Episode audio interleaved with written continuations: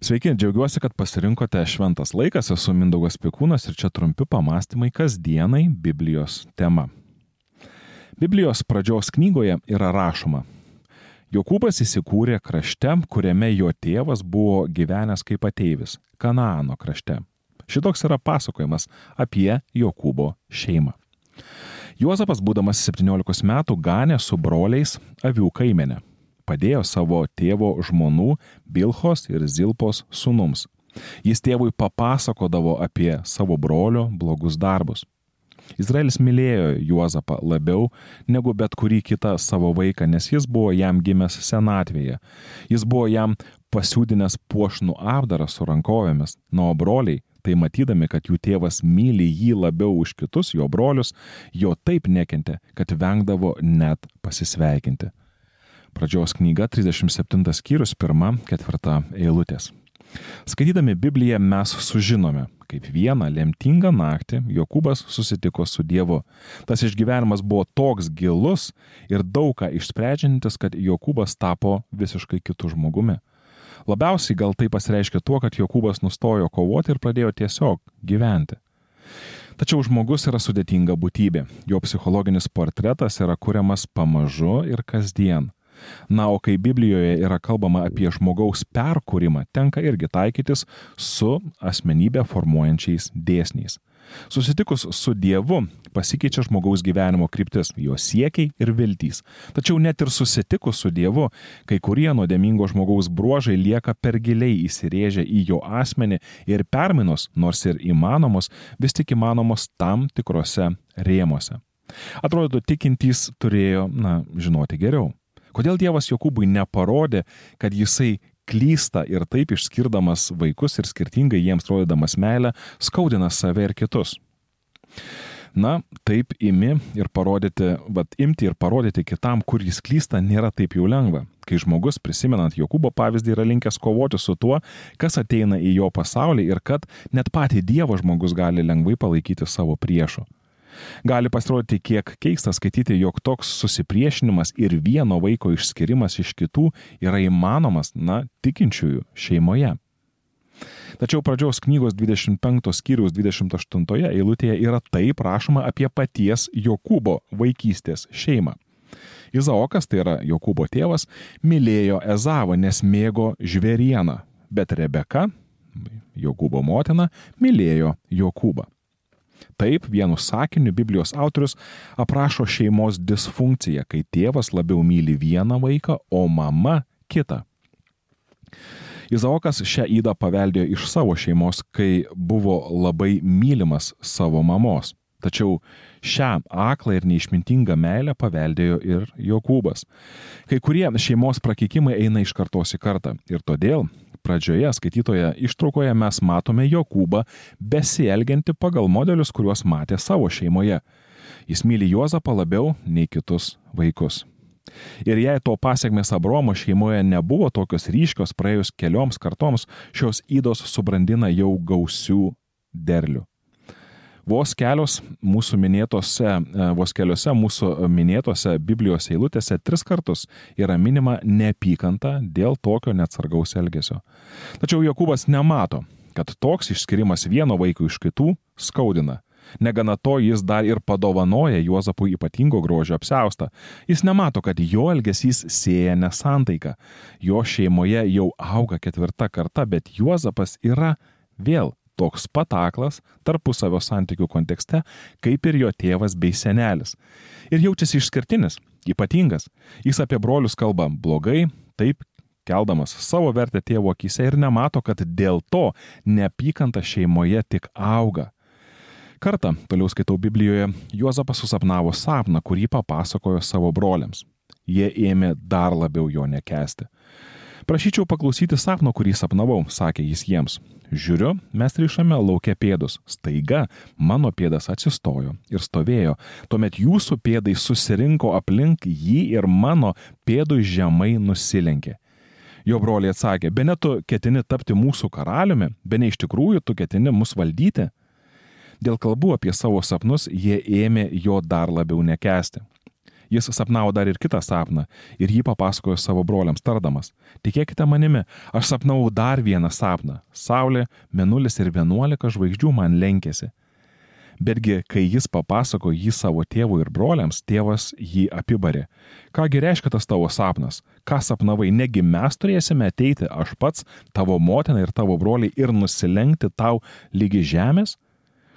Broliai jam pavydėjo, bet ir tėvas šio įvykio negalėjo užmiršti. Pradžios knyga 37 skyrius 5-11 eilutės. Neaišku, iš kur tie Juozapo sapnai atėjo. Gal ir iš Dievo, Tačiau Juozapas buvo visiškai aklas apie tokių svajonių ir sapnų poveikį jo šeimai. Jis kalba apie savo išskirtinumą ir ypatingą gyvenimą, kuris jo laukia. Jis, panašiai kaip jo tėvas Jokūbas, tiki, kad jo gyvenimas bus ypatingas ir yra absoliučiai, atrodytų, nejautrus kitiems žmonėms. Kalbėdamas apie savo didybę, jis tik didina priešų gretas ir neapykantą auga. Neapykanta išaugo iki tokio lygio, kad vieną dieną broliai nusprendžia Juozapą nužudyti. Tai yra baisi situacijos atomasga, tačiau labai vaizdinga iliustracija, kur link veda toks aklumas.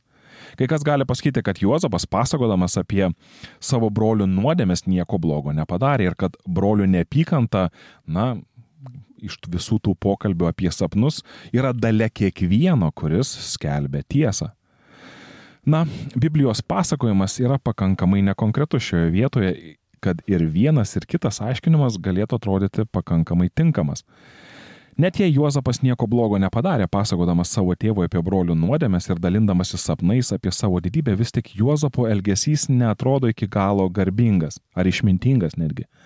Gali būti, kad Juozapas buvo persekiojamas, kaip ir daugelis šventųjų už tiesą.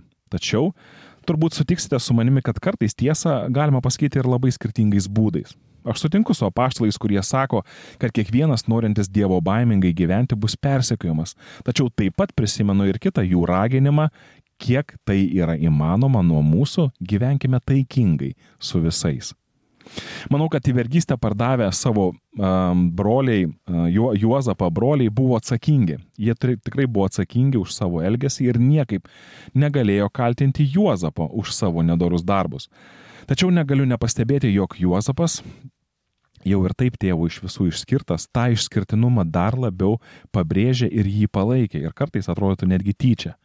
Ar jis tai darė sąmoningai ar ne, ar specialiai ar iš nežinojimo jau nelabai svarbu. Trintis tarp brolių pasiekė tokį lygį, kad brolžudiški jausmai jų tarpe pasiekė kulminaciją ir paėmė viršų. Ir vis tik, broliai nusprendė Juozapą nužudyti paskutinę akimirką, apsigalvojo ir pardavė jį į Egiptą. Egipte Juozapas pateko į faraono sargybos viršininko Potifaro namus. Toliau Biblijoje skaitau. Kadangi viešpats buvo su Juozapu, jam labai sekėsi. Jį egiptietis šeimininkas priskyrė prie savo namiškių. Kai šeimininkas pamatė, kad viešpats buvo su juo ir visą, ką jis darė, viešpats laimino sėkme, Juozapas rado malonę jo akise ir tapo jo asmenišku tarnu.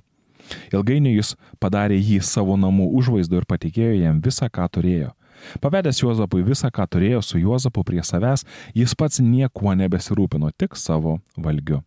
Pradžios knyga 9 skyrius, 39 skyrius, atsiprašau, 2-6 eilutės. Matome, kaip Dievas laimina Juozapą, tačiau pradeda formuotis labai keista nuojauta, lyg skaitytume apie visiškai kitą žmogų. Prieš mus stovi Juozapas, kuris ištikimai ir patikimai atlieka visas jam pavestas pareigas. Toliau pasakotojas rašo, kad Potifaro žmona pradeda kurti planus apie Juozapą kaip savo meilužį. Vieną dieną, kai namuose nieko nebuvo, ji imasi iniciatyvos ir užsipuola Juozapą, kuris, atsisakydamas Potifaro žmonos pasiūlymui, prabyla, kaipgi aš galėčiau taip nedorai pasielgti ir nusidėti Dievui. Juozapas Potifaro namuose elgėsi patikimai ir dorai. Vergaudamas Juozapas atrodo turi daugiau išminties nei turėjo savo tėvo namuose. Kai apie brolius pasakodavo tik blogus dalykus arba kaip girdavosi visiems apie savo sapnus, jis nesusimastė, kad toks jo elgesys tik skatina susipriešina ir tolina visus nuo Dievo. Gimtuosiuose namuose negirdime Juozapo sakant, kaip aš galiu taip nedorai pasielgti ir nusidėti Dievui.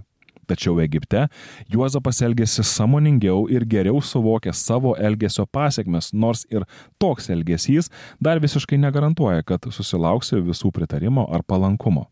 Už tokį tvirtą nepaklusnumą Potifaro žmonos pasiūlymui jis yra įmetamas į kalėjimą, kuriame istorija vėl kartojasi. Juozapas doras ir paklusnus, todėl kalėjimo viršininkas jam patikė rūpintis visu savo verslu. Ir taip nutinka iki tos dienos, kai Juozapas tampa ir viso Egipto valdytojas. Prieš šį skaudų patyrimą, kai buvo brolių parduotas į vergystę, atrodo, kad Juozapas nesibodi paklausti, kaip jo elgesys atrodo Dievo akise. Tačiau vos kelios vos keletos dienų laikotarpyje, kai buvo įmestas į šulinį, o tada, kai buvo perduotas pirkliams, Juozapo gyvenime įvyko radikalios permainos, subrandinusios šią iškilę asmenybę. Pasakojimas apie Juozapą yra paminklas stebuklingam Dievo dvasios veikimui, kuris atsiskleidžia visus savo grožiu žmogaus gyvenime. Velnes gali darbuotis žmogaus pražučiai daugybę metų, tačiau Dievas transformaciją gali padovanoti per akimirką. Nors tai aišku nereiškia, kad iki tokios transformacijos nebuvo irgi eita ne vienerius metus. Tačiau transformacija bus tokia gili, kad šis keturias kartas šeimą persekiojęs prakeikimas bus nutrauktas ir Dievo palaima per Juozapą pasieks daugybė žmonių. Juozapas gyveno šią savo tradicijoje, savo šeimos tradicijoje ir prireikė tos keletos dienų vidinio pabuvimo vienatvėje su Dievu, kad apsikeistų, pasikeistų visiškai uh, Juozapo vertybės ir uh, širdis būtų atnaujinta Dievo dvasios. Kai Abromas buvo pašauktas išeiti iš Babilono, vis tik tais prireikė keturių kartų, kad Babilono kultūra tarpusavio santykių kultūra išeitų iš jo šeimos kultūros.